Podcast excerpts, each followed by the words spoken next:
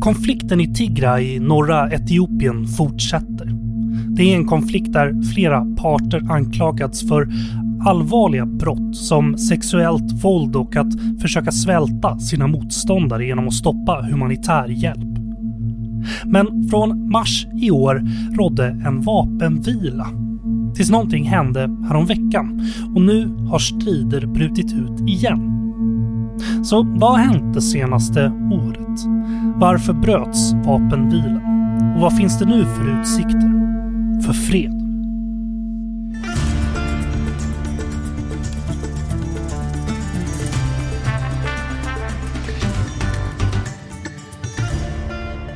Du lyssnar på Utrikespolitiska institutets podd Utblick.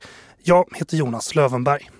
Konflikten i Tigray i norra Etiopien fortsätter men trots sin brutalitet faller den i skugga i nyhetsrapporteringen på grund av andra konflikter och händelser som sker i vårt närområde. Det var ett år sedan vi satt här och pratade om Tigray senast i Utblick. Och för att hjälpa er och mig att förstå vad som har hänt under den här tiden har jag med mig ännu en gång David Larsson Gebremedin, doktor i freds och konfliktforskning, verksam vid Försvarshögskolan och associerad till institutionen för freds och konfliktforskning vid Uppsala universitet. Välkommen tillbaka David. Tack så mycket. Och Göran Espelund, journalist, författare och tidigare Afrikakorrespondent, återkommande skribent i UIs publikationer Landguiden och Utrikesmagasinet. Välkommen tillbaka du med. Tack så mycket. Ja, vi börjar här. För er som inte lyssnat på det förra avsnittet om Tigray eller er som tycker att det var ett tag sedan så tänkte jag att vi skulle repetera några saker kort. Vad är Etiopien för land och vad är Tigray för plats? David? Ja, vi ska försöka hålla det kort, men eh, Etiopien är en, en, regional stormakt på Afrikas horn. Det är det näst mest folkrika landet i Afrika, cirka 120 miljoner invånare. Har under 2000-talet haft en stark ekonomisk tillväxt skulle jag säga, fram tills nyligen, men dras fortfarande med fattigdom och underutveckling i stor grad. Det är inte en nationalstat som många europeiska länder där en kultur och en nationell identitet är förhärskande utan det är ett gammalt imperium snarare som samlar över 80 olika folkgrupper och kulturer och religioner och språk inom ramen för ett land. Och det är ett av få länder som aldrig kolonialiserats historiskt också. Det ockuperades av italienarna under 1936 till 41 men är inte regelrätt kolonialisering. Det har en politisk historia av, skulle jag säga, icke-demokratiska regeringar och begränsad och ibland kraftigt begränsad social och politisk frihet och en historia av våldsamma maktskiften. Och om vi pratar om Tigray som plats så är det, kan man säga att Etiopien är indelat i 11 regioner som det är just nu. Och statsskicket är en så kallad federal demokrati där regionerna har en, en grad av självstyre. Och Tigray är en region som ligger i norra Etiopien som gränsar mot Eritrea i norr, landet Eritrea, och Sudan i väster och har även grannregionen Amhara i söder och den andra grannregionen Afar i öster inom ramen för Etiopien. Då. Och Tigray är huvudsakligen ett högland eh, och innan kriget så var det relativt ekonomiskt utvecklat jämfört med de andra delarna av Etiopien. Och det har ungefär 5,5 miljoner invånare, varav den stora majoriteten är tigrianer. Och kort kan man säga att Tigray har tillhört det politiska centrumet i Etiopien, särskilt efter 1991. Men det är idag isolerat och avskuret från omvärlden och omring helt omringat av fientliga aktörer. Och vad hände 91 då? 1991 så kom TPLF till makten i Etiopien efter att ha störtat den tidigare militärdiktaturen, eh, Derg-regimen. Det var inte bara TPLF som utkämpade det här inbördeskriget utan det var många andra aktörer också inom Etiopien och Eritrea. Men när de då segrade 91 så kom TPLF att dominera etiopisk politik framöver. De inrättade ett nytt politiskt system, de skapade ett typ av paraplyparti som, som mm. skulle mm. representera stora delar av etiopiska befolkningen. Just det, vi ska återkomma till TPLF. Vi sitter ju här för att det råder en konflikt, men kort, varför råder en konflikt? Gör det? Alltså de striderna som vi ser nu, som har mm. blossat upp alldeles nyligen i slutet av augusti, de är ju liksom en, en fortsättning på den konflikten som egentligen bröt ut i, i november 2020. Och eh, då ska jag också försöka hålla mig kort, men jag måste gå tillbaks lite ja, grann det, för att man ska förstå. Ja. Och, och, David nämnde ju då TPLF, Tigranska folkets befrielsefront, brukar vi säga på svenska. Um, det kommer bli en del förkortningar här, så att, ja. men, men, TPLF ska vi försöka hålla koll på. Och precis som han sa så hade de ju de var ju liksom ett, de hade väldigt framskjuten roll i landets politik eh, under väldigt lång tid, trots att de inte tillhör någon av de, alltså inte någon av majoritets, de är ingen stor befolkningsgrupp. Men, men de har liksom ändå en väldigt framskjuten roll fram tills de egentligen då bröt med tidigare, sina tidigare allierade 2019. Och sen dess liksom ökade spänningarna, skruvades upp hela tiden mellan centralregeringen och TPLF som då fortfarande hade kontroll över just Tigray. Och sen skulle det vara val i Etiopien 2020, men dessa sköts upp på grund av coronapandemin. Men TPLF gillade inte det, för att då så liksom förlängde man ju centralregeringen och, och premiärminister Abiy Ahmeds period vid makten. Mm. Så de beslutade sig för att de skulle ändå ha ett regionval. Och det var ju en väldigt kraftig provokation mot Etiopiens regering som hade beslutat att de här valen skulle skjutas upp. Så regeringen i huvudstaden Addis Abeba sa att era val gäller inte och eh, nu fryser vi alla federala medel till Tigray. Mm. Då svarar Tigray med att eh, då erkänner inte vi längre er som regering. Och sedan så liksom inleddes då den väpnade konflikten i november 2020. Och då gick etiopiska styrkor till offensiv mot Tigray för att man hävdade att TPLF hade attackerat två militärbaser och TPLF förnekade detta. Men det blir liksom ändå, nu var kriget ett faktum.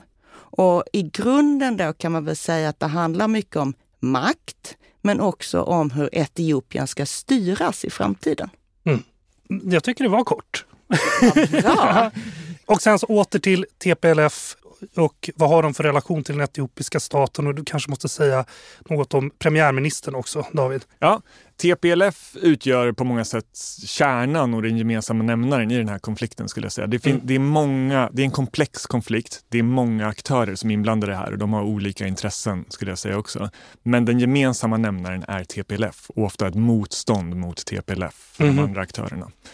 Och TPLF bildades som en motreaktion till eh, militärregimen som var vid makten 1974 till 91 i Etiopien. De var då en rebellrörelse som kämpade för Tigrays intressen och för att störta den här regimen. Och 91 som vi nämnde så, så vann TPLF och andra aktörer inbördeskriget och tillsammans med andra rebellrörelser i Etiopien och Eritrea, eller Etiopien, så skapade man den här nya regeringen.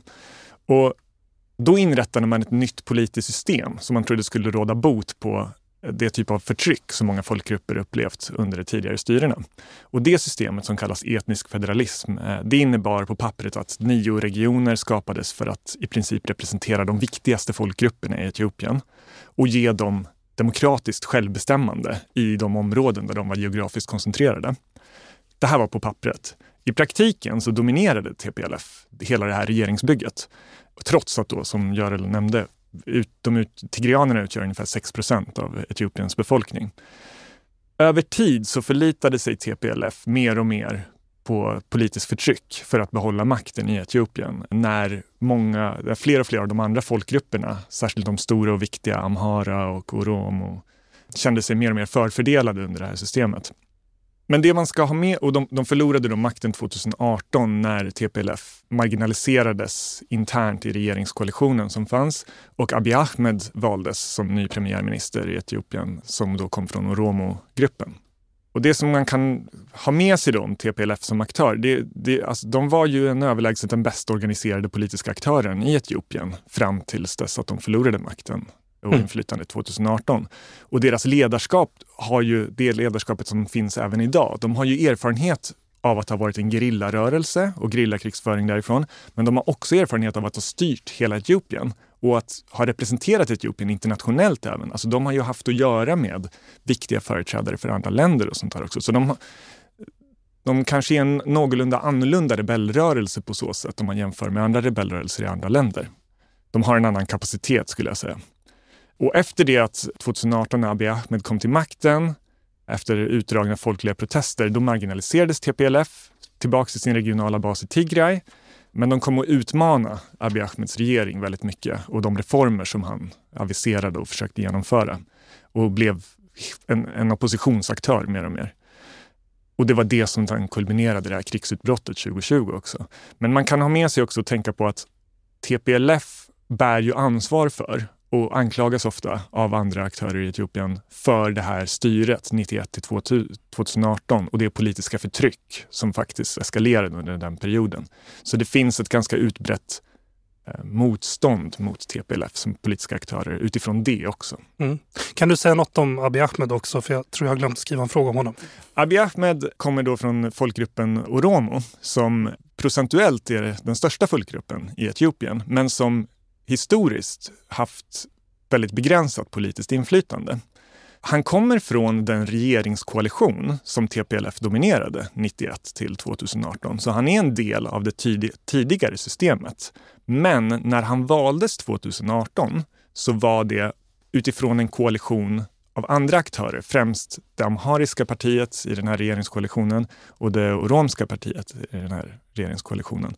Eh, han var inte TPLFs förstahandsval. Och han symboliserade då ett typ av brott med den tidigare politiken och en förhoppning om ett nytt reformerat Etiopien och ett nytt system. Och särskilt alltså, de olika politiska aktörerna skulle jag säga i Etiopien uppfattade honom som svaret på sina frågor. Det var många som investerade sina förhoppningar i Abiy Ahmed och det är svårt att företräda och svara mot alla de här förhoppningarna skulle jag säga. Mm.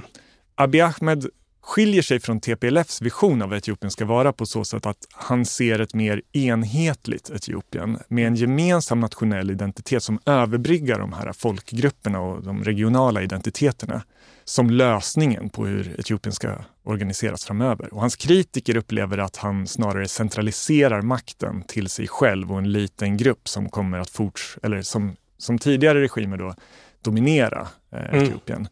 Medans eh, han och hans förespråkare ser det här som lösningen på ett annars väldigt fragmenterat Etiopien som går mot ett sönderfall där etniska motsättningar eskalerar och söndrar landet. Och han är väl fredspristagare också ska vi säga här, för det bör väl sägas, även om vi sa det förra gången vi pratade om det här också, för att han löste konflikten mellan Eritrea och Etiopien. Ja, när han kom till makten så aviserade han många reformer, politiska reformer och ambitioner om, om att stöpa om det politiska mm. systemet. Mm. Han släppte politiska fångar, han bjöd in den tidigare oppositionen att vara del av det nya reformprojektet. Han signalerade ekonomiska reformer som skulle bryta ner det tidigare statliga dominansen över ekonomin och sånt. Allt det här uppfattas ju som väldigt liberala och demokratiska reformer. Mm. Och, och, som du nämnde, han slöt även fred med Eritrea som har varit ärkefiende med TPLF och den etiopiska regeringen under 2000-talet. Eh, och det var ett stort genombrott. Men den alternativa tolkningen av de här reformerna som man aviserade och delvis försökte genomföra är att de var också ett sätt att bryta ner TPLFs tidigare system och deras inflytande, ekonomiska och politiska inflytande i Etiopien. Så det är lite tveeggat där och visst, man kan stå och väga lite mellan äh, var Abiy Ahmed den stora reformatorn och den demokratiska förkämpen eller var han maktpolitikern som, mm. som bröt med den tidigare regeringen? Men nu hörni, i, i stora drag, vad har hänt under det här senaste året? Görel, kan du säga något? Fram med breda penseln kanske? Breda penseln. Um, jag vill bara sådär, jag vill minnas vi, vi satt här och det kändes ganska dystert. Och mm. jag vet att du frågade liksom om det var på slutet, vad ser vi för möjligheter till fred? Mm. Och jag tror både du och jag, David, var sådär, eh, inga mm. just nu. Nej. För det fanns liksom bara låsningar. Och, och eh, det kändes inte som någon var beredd att, att ta sig till förhandlingsbordet. Och den, eh, den humanitära situationen var ju då katastrofal. Bedrövlig, ja. Ja, och, och det skulle ju bli värre faktiskt under de kommande månaderna. För då, då började ju liksom bägge sidorna skramlade med vapen och TPLF-trogna rebeller avancerade längre och längre söderut, längre och längre, eller närmare och närmare menar jag, mot, mot huvudstaden eh, Addis Abeba. Eh, Abiy Ahmed uppmanade etiopierna till att nu ska vi ta värvning, nu ska vi stoppa TPLF en gång för alla. Och, och, det var flera delstatsregeringar som då ställde sina styrkor till förfogande till den, där, den federala armén. Och eh, samtidigt som då bland annat Oromos befrielserörelse, OLA, ställde sig då på, på tigrianernas sida. Så det, liksom, det ser ut att vi kunde nästan fått ett fullskaligt inbördeskrig här för att ett tag så stod ju TPLF bara ja, 30-40 mil från, från Addis Abeba. Och då utlystes undantagstillstånd i november över hela landet. Och sedan så, så någon månad framåt, där i december, det gick liksom stridslinjen väldigt mycket fram och tillbaka. TPLF gjorde framryckningar, Etiopien gjorde fram, eller federala armén gjorde framryckningar. Och sedan så meddelar då TPLF i slutet av året, om jag minns rätt, att man beslutar sig för att retirera tillbaks in i liksom Tigray. Och det har ju att göra med att då hade ju liksom den etiopiska armén haft framgångar. Nu, nu drog TPLF sig tillbaka. Och då i början av 2022 så, så började det kanske kännas någon liten uppluckring i de här låsningarna. Dels så började Abiy Ahmed benåda flera politiska fångar. Kanske tänkte man att detta skulle då kunna leda vägen fram till någon slags nationell dialog. Flera uppsatta medlemmar från TPLF och dess eh, allierade de frigavs. Men sen hände också någonting som, som jag tror kan ha spelat en viss roll här och det var att USA straffade Etiopien ekonomiskt och uteslöt dem från ett väldigt viktigt och förmånligt handelsavtal. Och eh, anledningen var ju då att, att Etiopien inte hade levt upp till de här demokratiska krav som, som eh, avtalet eh, ställer. Men Etiopien hade ju liksom jag tror halva exporten gick ju tidigare till USA, så det var ett väldigt stort mm. ekonomiskt avbräck. Så det, plötsligt blev ju kriget kostsamt också.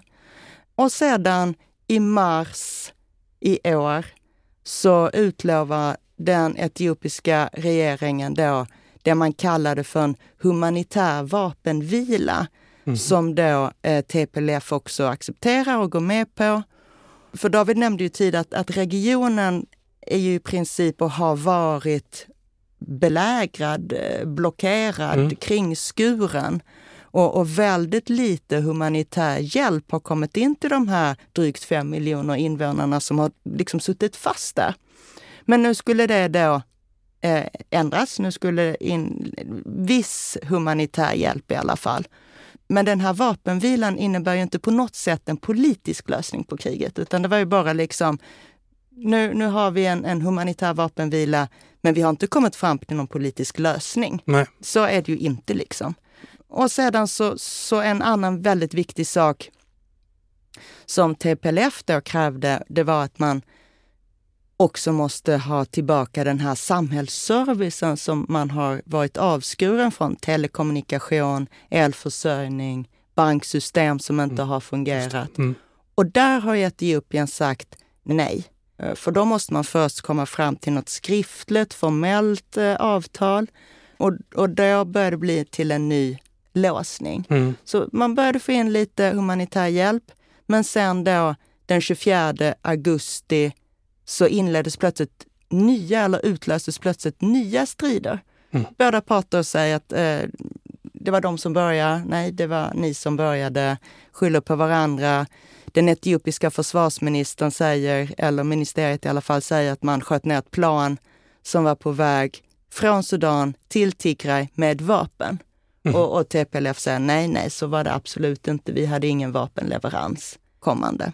Så nu är det plötsligt då nya strider i regionen och eh, vi får väl se vad, vad, vad, som händer, men det är där vi står idag. Mm. David, vill du säga något om det här också?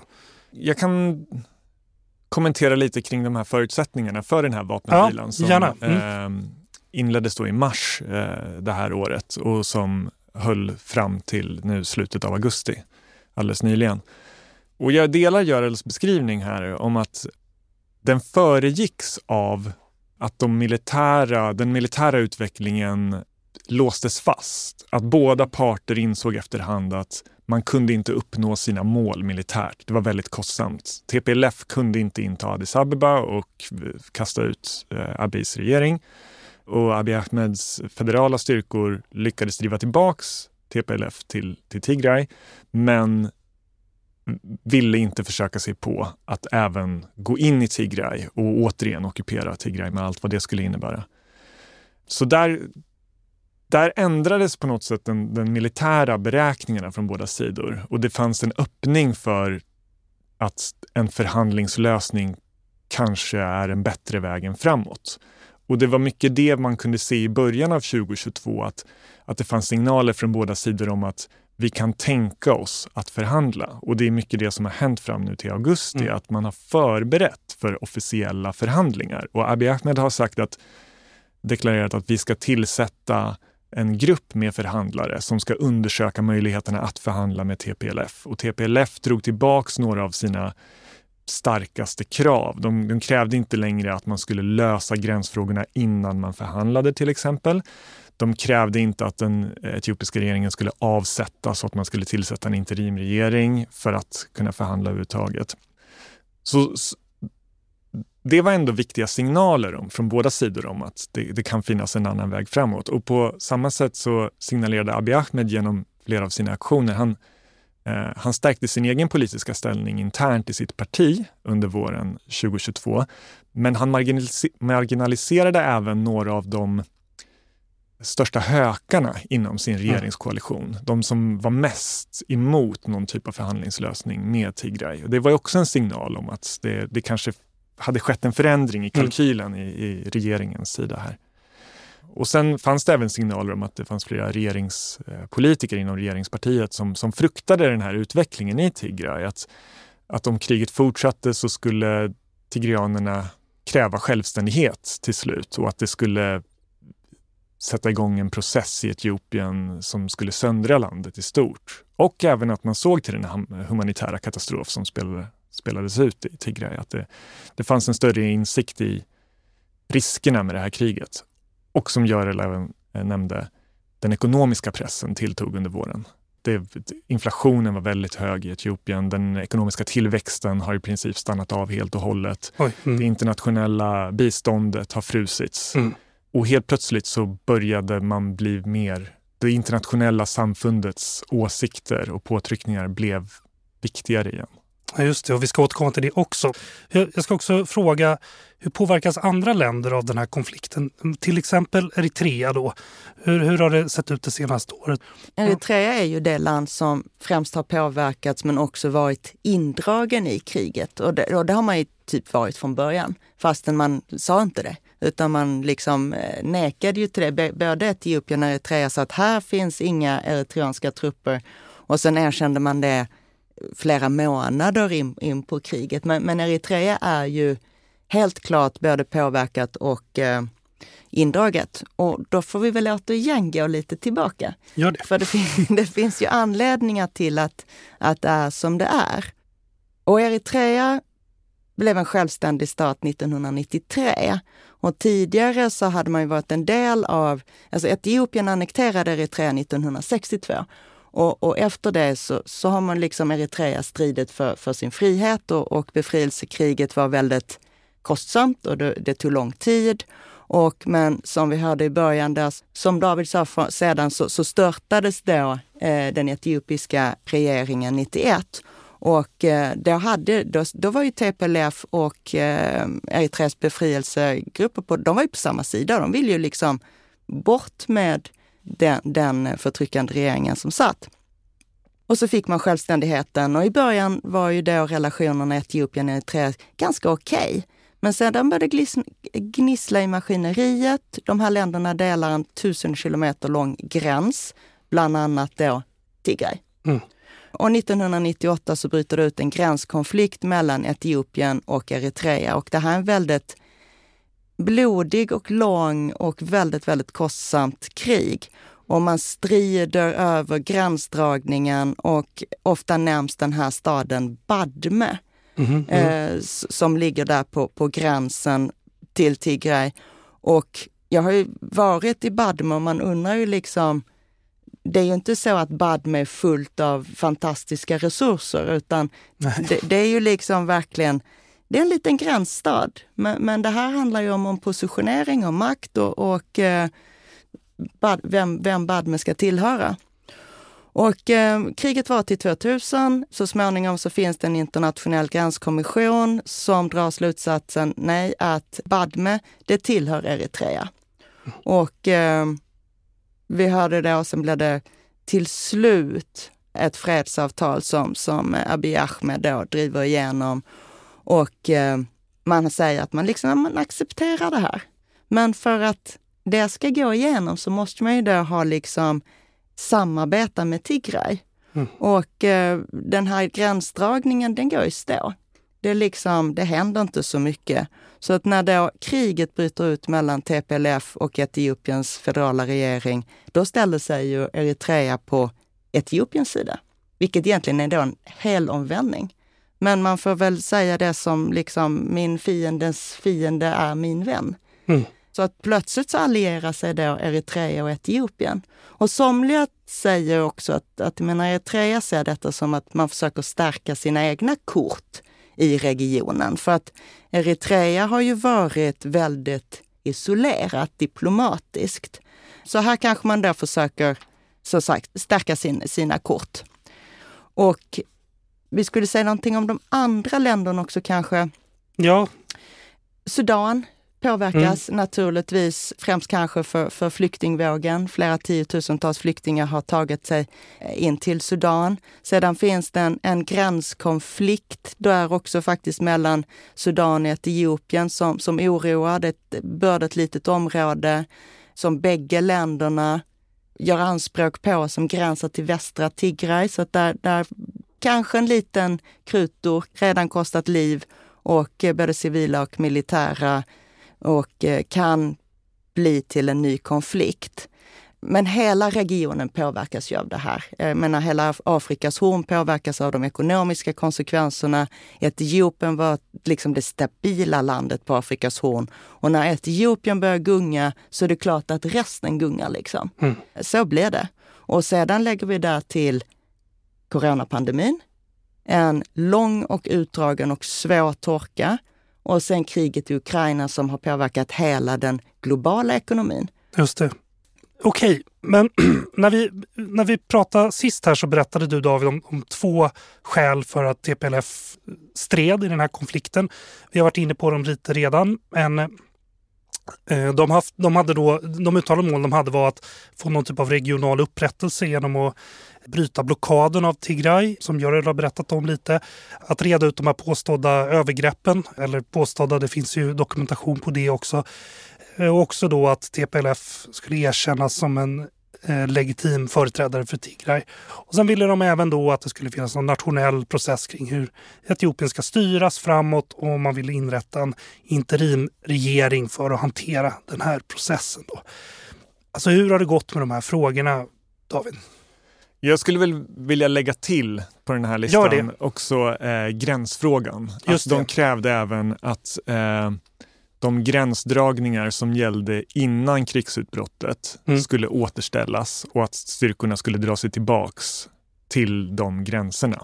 Och det är då viktigast i relation till den här grannregionen Amhara där det finns en konflikt mellan Tigray och Amhara om västra Tigray främst, även delar av södra Tigray. Men det här är ett område som båda gör anspråk på, där det bodde eh, både tigrianer och amharer och som Amhara tidigt under kriget tog kontroll över och annekterade och sa att det här är en del av Amhara. Det har historiskt sett varit en del av Amhara och vi återställer det misstaget. Jag måste bara skjuta in en fråga här. Är, slåss Amhara då med egna styrkor som inte hör till de federala styrkorna? Eller? Det här är en komplicerad fråga. Ja, okay. Det som komplicerar mm. den här konflikten, mm. det är det, det etiopiska politiska systemet. Ja. Och det faktum att de olika regionerna i Etiopien har egna säkerhetsstyrkor. Mm -hmm. De är formellt en del av statsapparaten och, det, och, och, och, den federala regeringens militärmakt. Men de styrs och tränas och finansieras från den regionala regeringen. Mm. Och det gör att de, de, de, regionala regeringarna har egen militärmakt och eget liksom, våldskapital i det. Och på så sätt kan agera på ett ganska självständigt sätt. Mm. Så det finns flera militära aktörer i den här konflikten. När kriget startade så var det federala styrkor som gick in i Tigray. Det var eritreanska styrkor som gick in i Tigray norrifrån från Eritrea. Och det var regionala styrkor från Amhara som gick in i Tigray. Okej. De här tidigare kraven då? Vi har då lagt till gränsfrågorna till de här ja. kraven som TPLF hade. Jag skulle säga att det är en blandad bild av hur de här frågorna har utvecklats. Mm. TPLF har delvis skalat ner på vissa av frågorna, av kraven. Mm. De, de, krävde inte längre att man skulle tillsätta en interimregering, att man skulle ställa folk till, till svars direkt och avsätta regeringen som ett krav för en, för en fredsförhandling. Parterna har fortfarande inte officiellt legitimerat varandra, sagt att den andra parten är en legitim motpart. Men i och med att man öppnade för samtal under våren så, så, skulle jag säga att man indirekt signalerade att man hade börjat ändra sin syn på varandra. Mm. I och med eh, det här eldupphöret så kom det ju även in viss humanitär hjälp till Tigray, vilket var en viktig fråga för, för TPLF. Men det har varit en begränsad omfattning ska jag säga. De har aldrig nått upp till de nivåer som TPLF har önskat eller det tigrianska folket har önskat för den delen. Eller som, som det internationella samfundet och biståndsorganisationer har sagt är nödvändigt. Mm. Så det har ju varit problematiskt för TPLF. Det, den situationen har inte riktigt åtgärdats. Och sen kan man också säga att de här kraven på en nationell dialog som TPLF ställer, det är inte bara en fråga som TPLF har krävt, utan det är en fråga som, som engagerar hela det etiopiska politiska samhället skulle jag säga. Och där svarade regeringen med att insätta en, eller att tillsätta en egen kommission för en nationell dialog i våren, som på så sätt skulle kunna vara ett sätt att tillmötesgå det här. Men den kommissionen är tillsatt av regeringen den innefattar inte de viktigaste, de viktigaste oppositionsaktörerna. Alltså TPLF sitter inte med i den här. De viktigaste oppositionspartierna från Oromia sitter inte med, eller från Somaliregionen, eh, Ogaden för okay, den delen okay. heller. Så att det är en typ av en light-version av det här efterfrågade nationella mm -hmm. dialogen och den har då kritiserats av de här parterna för just det också. Och på samma sätt så har regeringen även diskuterat tillsättandet av en gränskommission för att utreda de här gränsdragningsfrågorna och jobbat på utkast till, en, till ett sånt beslut eller förslag. Eh, men det är också en process som är styrd från den federala regeringens sida. Man har, parterna jobbar inte med de här frågorna tillsammans. Nej. Okej, så några steg framåt, några steg bakåt låter det som. Några försiktiga öppningar, men mm. långt ifrån en lösning på någon av de här frågorna. Okej. Vi nämnde även det här förut, men på vilket sätt är, Tigray eh, blockerat eller belägrat nu? Ett, ett av kraven är ju att, att öppna upp för Tigray. Eh, Jarl, kan du säga något om det? Ja, Hur är man avskuren? Ja, precis. Man, man, är ju fortfarande väldigt avskuren. Ja. Eh, jag menar, även om den här humanitära vapenvilan då varade fram till i slutet av augusti och, och precis som David sa, man började ju få in hjälp. Mm. Uh, man hade flugit in en viss hjälp tidigare, men menar, det är både väldigt dyrt och väldigt ineffektivt. För vi pratar ju om en befolkning, ja drygt fem miljoner och kanske någonstans mellan 80 och 90 procent av de här, de behöver nödhjälp. Så att det liksom, det får man ju inte in sådär på en dag eller två, utan Nej. det är ju jättemycket resurser som krävs. Och även om hjälpen har börjat och, och liksom mediciner och den typen hade börjat då, eh, framförallt så ser man väl kanske rörelser i maj, juni, där någonstans började liksom hända lite grejer, så var det inte alls på den nivån. Och, och, som jag nämnde tidigare, jag menar det här med, med banksystem, telekommunikation, eh, elektricitet, ingenting av det. det. Det är liksom kapat. Regeringen i Etiopien tänker inte göra någonting åt det förrän de, de då kräver att man ska skriva på ett, ett eh, formellt eh, eldupphörsavtal. Den internationella, det internationella samfundet trycker ju på för att de anser att det här, man behöver inte vänta på något avtal för att liksom få igång servicen. Men, men eh, där är vi inte än. Och plus då att nu har vi plötsligt nya strider som gör ju att naturligtvis den här humanitära hjälpen som började rulla in får besvär igen. Lägg där till att man har svårt med infrastruktur som har, har förstörts under kriget. Man har jätteproblem att få in bränsle. Så att när kommer det väl in, sen ska det ju distribueras. Och hur ska du då köra runt det? Eh, mm. Om du inte har bränsle. Och, och alldeles precis innan vi kom hit så, så läste jag att, att World Food Program, alltså FNs livsmedelsprogram, så att nu var det någon som hade stulet bränsle från, alltså vi pratar hundratusentals liter bensin, eller om det var diesel, eh, men bränsle så att nu kan de inte distribuera alls. Nej. Så att det är en jätteproblematisk situation. Och, och mm. någonting som också kommer med den här det, att man är så avskuren och omringad, det gör ju att väldigt många av de uppgifter som vi får är svåra att verifiera. Mm. För det finns inga journalister där inne och det är svårt att kommunicera med omvärlden så att vi hör en massa uppgifter, men vi kan inte riktigt verifiera att de stämmer. Nej, just till exempel de här stölderna är väl, TPLF har väl anklagats för dem men det, kanske, ja, de, men det går inte att Det går inte att verifiera, de säger vi har inte tagit något. Nej, nej just det. Men och, apropå den här blockaden då, alltså, hur förs det här kriget egentligen? Alltså dels så Eh, Eh, redan när vi satt här förra gången så anklagades Abiy Ahmed och, eller kanske inte han, men, men den etiopiska regeringen för att eh, hålla tillbaka hjälptransporter för att svälta hela Tigray och TPLF. Och nu har det kommit rapporter också om nu, nu när det bröt ut strider igen att man har flygbombat mål i Tigray, alltså vad som på pappret betyder att man har bombat sin egen befolkning med flygvapnet. Mm, kan du säga något om det här David? Hur, vad händer? Ja, den, den etiopiska regeringen skulle ju inte ställa upp på att de flygbombar sin egen befolkning. Nej, det eh, förstår jag. De, de uttrycker det ju som att de, de bombar militära mål mm. i Tigray. Men det man kan säga är väl att vi vet ju att de genomför flygangrepp och vi vet också att den etiopiska, det etiopiska flygvapnet har begränsad kapacitet att, att genomföra precisionsbombningar. Och då kan man utifrån det dra sina slutsatser om att den här typen av luftangrepp, särskilt mot mål som Mekele som är huvudstaden, den regionala huvudstaden i eh, Tigray, det kommer inte vara så hög precision i det. Så oavsett om man, om man vad avsikten med luftangreppen ursprungligen är, mm. så, så blir konsekvensen ofta att det är civila dödsoffer. Mm.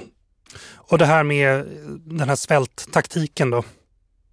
Ja, det är också en, en, har varit ett genomgående fråga i den här konflikten. I vilken mån den federala regeringen använder blockaden och svält som ett vapen i kriget. Mm. Och återigen är det någonting som de själva förnekar och att båda sidor anklagar varandra för det här. Så den federala regeringen säger att det är TPLF som förhindrar eh, och försvårar införseln av nödhjälp och TPLF eh, säger att det är regeringen som, som blockerar Tigray. Det, man kan säga att det internationella samfundet och biståndsorganisationer har väl indikerat att de inte har den tillgång till Tigray som de skulle önska. Okej. Vi ska fortsätta med något vi pratade om här tidigare också. Om huruvida man bryr sig om omvärldens kritik. Abiy Ahmed, Etiopiens premiärminister, har tidigare varit förhållandevis obrydd om kritik från omvärlden. Eller det var det vi sa förra gången vi, vi sågs i alla fall när det gäller den här konflikten och så. David, du berättade då att man i Etiopien ofta sätter inrikespolitiken före vad omvärlden tycker. Har det här förändrats på något sätt? Nu? Ja och nej skulle jag säga. Vi har, vi har pratat om det lite tidigare i, mm. uh, i samtalet, men det fanns ju tecken på att uh, under våren 2022 på att det internationella samfundet blev viktigare för, för uh, Abiy Ahmeds beräkningar att just det här, de ekonomiska problemen, de, de humanitära problemen och då ska vi lägga till att det, det är en omfattande torka i, i, Afrikas horn just nu som även drabbar delar av Etiopien. Att det här tillsammans ökade trycket och kostnaderna för kriget. Vilket gjorde att de antagligen kände sig mer tvingade att faktiskt gå till mötes, gå det internationella mm. samfundet till mötes, till viss del åtminstone, för att få förnyad nödhjälp, för att få förnyade eh, investeringar och ekonomiskt stöd. Å andra sidan så är alltid den nationella arenan den viktigaste för Abiy Ahmed eller alla eh, ledare i Etiopien för den delen. Som i, som i alla andra länder i världen skulle jag säga. Och förlåt, om man ska vara krass så innebär väl de där sakerna du räknar upp också, det blir väl inrikespolitik ganska snabbt av det också? Ja, och, och det, det, finns också en koppling på så sätt skulle jag säga att det finns ett historiskt narrativ i Etiopien och, och andra länder i regionen, Eritrea också för den delen skulle jag säga, som går ut på att man har utsatts för historiska orättvisor från det internationella samfundet. Och i Etiopien så kan man peka mycket på hur det internationella samfundet inte gjorde tillräckligt eller någonting när landet ockuperades då 1936 till exempel. Eh, och att det var ett stort eh, hyckleri från det internationella samfundet om hur man tillät den här italienska aggressionerna mot Etiopien.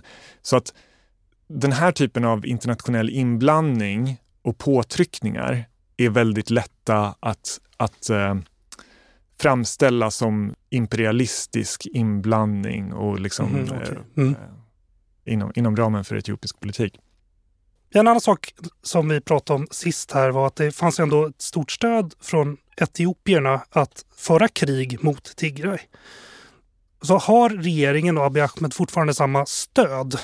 Görel, kan du säga något om det? Vet man? Kan man säga något om det? Svår fråga egentligen. Mm. David nämnde här tidigare just den här att, att TPLF kanske och Tigray inte är så himla populära i, bland övriga etiopier eftersom de står för ett allt mer förtryckande styre där. Ja. Men, och jag har inte hört jättemycket intervjuer där nerifrån med, med etiopier. De är ganska försiktiga i sina uttalanden med sin kritik. De som jag har hört och, och de som uttalanden som har gjorts man talar liksom ändå att, om att eh, krig är inte bra, utan man trycker på att det är fred. Vi ska, alltså det är freden som är den viktiga. Det är freden som är nödvändigt. Då är det nödvändigt med förhandlingar och då kanske man liksom också måste kunna kompromissa om vi ska leva tillsammans som etiopier i fred. Mm. För det är för många som liksom en, inte nya strider, det är ju fred som vi måste liksom bygga. Mm. Men sedan så finns det ju, om man pratar liksom om det här det allmänna folkliga stödet för, för Abiy Ahmed. Kriget är sin sak, men sen finns det ju ganska mycket globala saker som händer nu som han inte kan göra någonting åt, men som, som han kanske ändå ser kan komma att påverka hans popularitet. Mm. Vi har pratat lite grann om torkan. Mm. Det är den värsta torkan, säger de, på, på 40 år på Afrikas horn.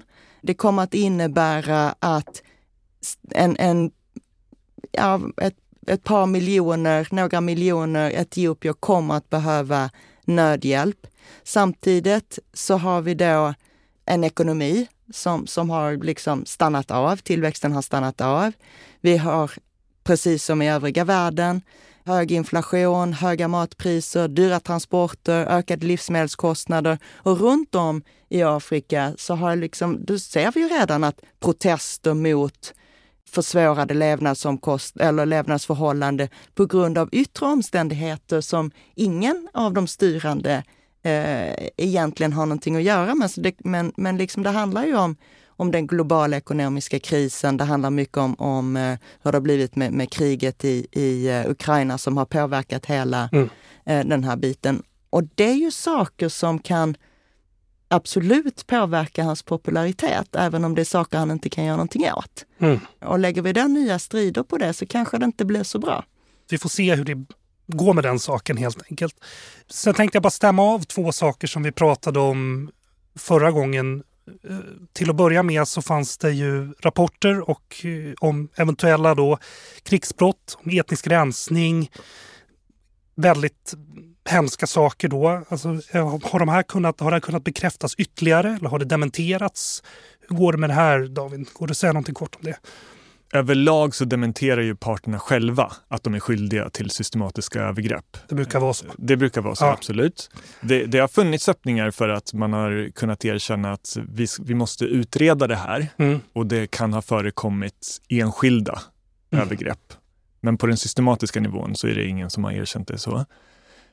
Vi kanske ska kort nämna det att det här är ju ett krig som, eller en konflikt som verkligen har karaktäriserats av oerhörd brutalitet ja. eh, och omfattande övergrepp mot civilbefolkningen som med en väldigt etnisk prägel.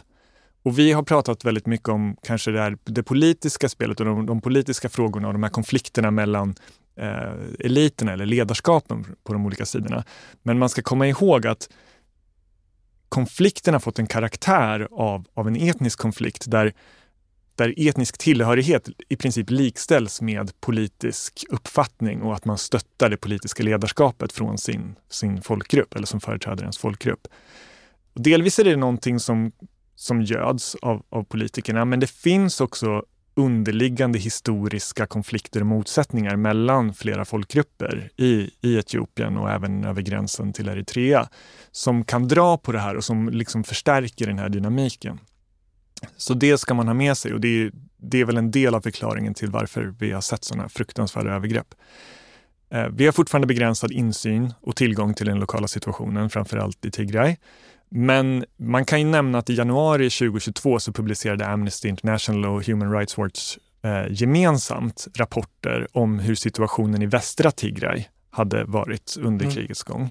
Och där fastslog de att det förekommit regelrätt etnisk rensning. Mm. Att, att de amhariska regionala styrkorna och även, om jag kommer ihåg rätt, med stöd av, av eritreanska styrkor begått systematiska övergrepp mot den tigrianska befolkningen som mm. bott i det här området. Och då pratar vi om utomrättsliga över, avrättningar, övergrepp, sexuella övergrepp, mm. eh, våld, tortyr och att man på ett systematiskt sätt försökt fördriva dem från området för att underlätta att, att västra Tigray ska anslutas och annekteras till Amhara. Just det. Jag tänkte bara säga att, att även, eh, jag tror att, vi, jag tror att jag nämnde Afrikanska kommissionen för Human Rights som också har kommit med en rapport. Jag tror de kom strax efter tror jag, Amnesty och, och Human Rights Watch. Där man också anklagar den etiopiska regeringen för att ha bort, eh, begått eh, en mängd övergrepp mot mänskliga rättigheter eh, i kriget då, i, och i, i Tigray. Men att man samtidigt då säger att eh, vi ska naturligtvis undersöka detta eh, mer noggrant och, och, fler undersökningar eller fler utredningar behövs. Mm. Men, men även African Commission for Human Rights ställer sig liksom på den sidan och, och bekräftar det som vi tidigare talade om, att, mm. att det har varit mycket, väldigt mycket övergrepp. Som jag sa i början, det här är en allvarlig konflikt. Men vi hör och ser inte så mycket av den i nyhetsbevakningen. Och det har förstås att göra med ett fullskaligt krig i Europa, stundande val här hemma i Sverige, fortsatt dramatik i USA i efterdyningarna av Trumps tid som president och så vidare. Ehm, men kan ni säga något om den här mediaskuggan för konflikten i Tigray? Vad har, vad har det för konsekvenser? Och jag undrar också varför det är så svårt att rapportera inifrån Tigray. Görel? Ja, den första frågan som du sa. Ja, det är två, det är två precis, frågor. Nej, varför det är så svårt, det, det är ju tillgången. Liksom. Alltså, men mm. Journalister tilläts inte att åka in. Eh, i Tigray. De, de är utestängda därifrån. Plus, och, som, som vi har nämnt tidigare, att, att det är svårt att få ut information för liksom, som sagt telekommunikation ligger nere och sånt. Medieskuggan, den får ganska allvarliga konsekvenser. Och, och det är inte bara den här konflikten som har hamnat i medieskugga, om, om, vi tittar liksom på vad som har hänt sedan februari. För det är, det är, många konflikter runt om i världen som liksom bara har fått ta några steg tillbaka i, i radio och tv och så är det väldigt mycket ljus på Ukraina. Och, och, det är inte sagt att, jag menar, det är klart vi ska rapportera om Ukraina och den konflikten och det kriget är oerhört allvarligt. Men det, det blir lite lätt att, att andra saker som ligger längre bort glöms bort, vilket är en, en medialogisk, eh, så är det bara. Liksom. Ju längre bort, desto mindre rapporterar vi och är det då någonting fruktansvärt som händer i vår närhet, då är det liksom fokus där. Hur som helst, det innebär ju att med lite bristen på uppmärksamhet innebär att vi vet mindre om vad som händer. Mm. Det, finns ingen, det bildas ingen folklig opinion att vi ska kanske göra någonting åt det här. Det bildas då därmed ingen, därmed ingen press på några av våra politiker att nu får vi uppmärksamma den här konflikten. Vi har också pratat om när Ryssland invaderade Ukraina så var det väldigt mycket av biståndspengar men också nödhjälp som öronmärktes för just den konflikten. Mm. Och då kan inte FN-organ eller internationella organisationer ta de pengar till någonting annat, utan då ska de vara till Ukraina. Och, och, det finns bara en sån stor kaka att dela på och den kakan har blivit, ganska mycket av den kakan går nu till, till Ukraina. Och ju mer medieskugga, ju mer liksom är det ju så att då kanske vi inte tror att det finns några fler konflikter. Det finns en biståndströtthet också. WFP, alltså FNs eh, livsmedelsprogram, varnade redan före den ryska invasionen att 2022 kommer att bli ett jättetufft år. Och nu plötsligt har man mindre medel och man måste skära ner på ransoner. Eh, och det vi står inför kan vara liksom en, en global hungerkatastrof som, som vi inte har någon aning om vilka proportioner det kan ta. David, vill du säga något om Jag skulle kort säga också att det kanske finns en, en risk för en, en klyfta här vad gäller förståelsen för olika konflikter. Mm. Det har blivit mycket fokus på Ukraina i Sverige och Europa, med rätta kanske. Men vi ska också komma ihåg att när man till exempel röstade i eh, generalförsamlingen i FN om att fördöma den, här, eh, den ryska invasionen av Ukraina så var det ju ett flertal stater som röstade emot. Eller det var, det var ett fåtal stater som röstade emot, ska jag säga, fem stycken.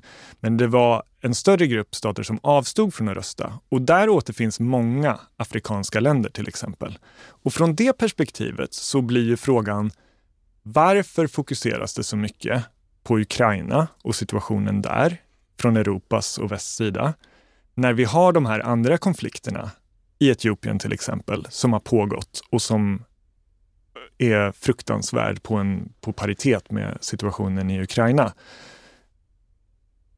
Det skapar en risk för, för oförståelse och, och frustration, skulle jag säga. ja, ja, du menar när vi pratade om det här tidigare. Du sa till mig att de, de här afrikanska länderna de tycker att Ukraina är långt borta precis som vi tycker att de precis. afrikanska länderna är långt ifrån oss. Precis. Och du menar att det här kan bidra till en klyfta av oförståelse? Ja, Ja. Och vi ser också i Etiopien hur de försöker odla sina kontakter med andra länder, med Kina, med Ryssland, mm. med Gulfstater, som, som ska liksom kunna fylla rollen för det indragna kanske biståndet och ekonomiska stödet ja. från väst. Och då är ju ändå Europa närmare Afrika på det sättet.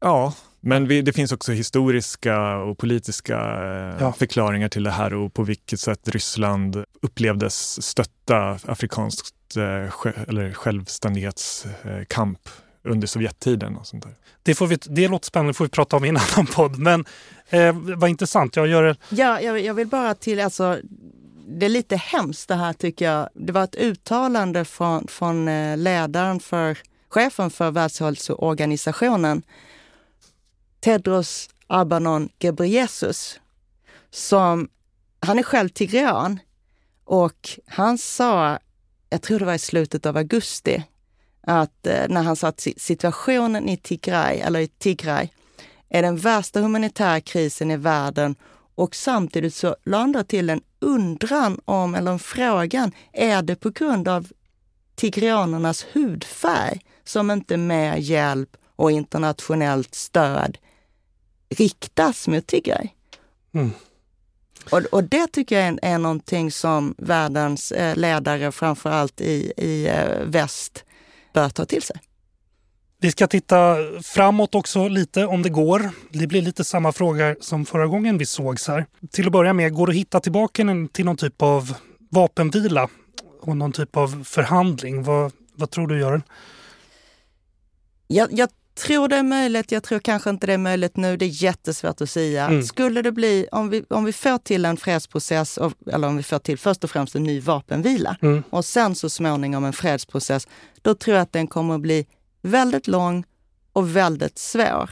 Samtidigt som vi har nämnt så tror jag att båda parter, alltså både den federala regeringen och TPLF, de har insett att vi kan inte vinna det här, eller vi kan inte uppnå våra mål militärt. Vi kan inte göra det på slagfältet. Nej. Så jag, jag, tror att den förståelsen finns.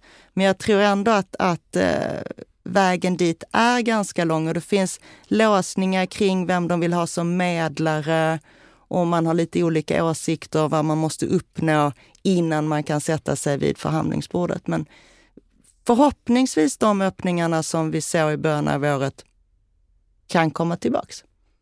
David, säg något? Jag, jag håller helt med om den bedömningen och med samma förbehåll att det är jättesvårt att säga ja. om framtiden.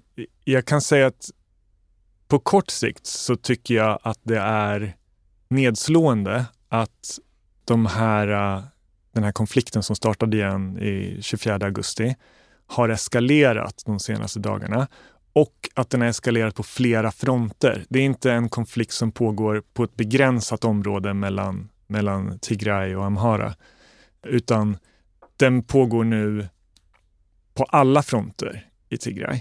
Mm. Och det tolkar jag som att det har funnits en större förberedelse eller i alla fall beredskap för att återgå till krigshandlingar.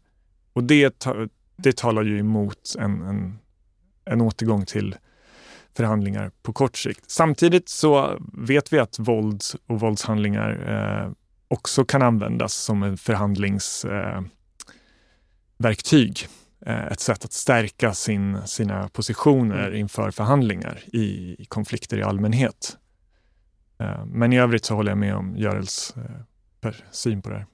Då har jag kanske en hopplös allra sista fråga här. som, som, eh, ja, ni får göra vad ni vill med. Men om man behöver göra någonting då för att komma närmare en långvarig fred, vad är det i så fall? Går det att säga något om det, David? Jag håller med Görel om att det finns väldigt stora, viktiga, alltså de underliggande frågorna, mm. tvistefrågorna i mm. den här konflikten, de är väldigt stora och parterna står väl fortfarande väldigt långt ifrån varandra mm. i de frågorna. Frågorna om var gränserna ska gå inom Etiopien och även gentemot Eritrea skulle jag säga, kommer vara väldigt svåra att lösa. Mm. Frågan om hur Etiopien ska organiseras politiskt framöver är en jättefråga. Mm.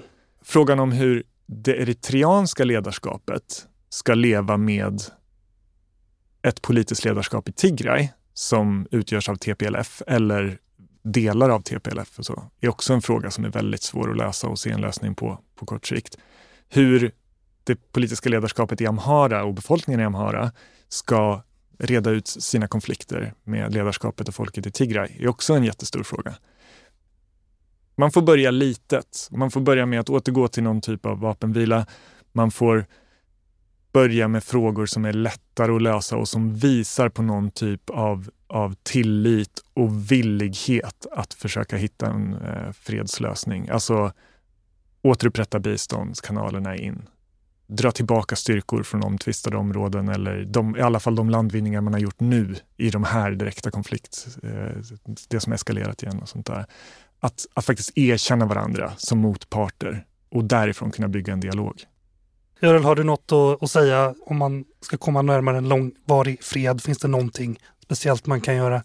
Nej, alltså inte utöver det som, som David har sagt, dialog och kompromisser. Mm. Sen handlar det om, om hur mycket var och en av de här parterna är beredda att kompromissa, hur mycket de kan, tycker sig kan kunna kompromissa för att liksom samtidigt inte förlora ansiktet inför för sin befolkning. Eller. Men, men dialog och kompromisser. Jag hoppas vi inte sitter här om ett år och pratar om det här, men det finns väl en risk kanske. David Larsson Kebremedin, doktor i freds och konfliktforskning, Görel Espelund, journalist och författare. Tack för att ni kom. Tack så hemskt mycket. Nu har du lyssnat på Utblick, Utrikespolitiska institutets podd. Glöm inte att trycka på prenumerera-knappen i appen där du lyssnar på oss. Om du är intresserad av UIs forskning och omvärldsbevakning, titta in på ui.se. Vår vignett är komponerad av Friden Frid. I kontrollrummet sitter idag August Bolin. Resten har jag gjort och jag heter Jonas Lövenberg. På återhörande.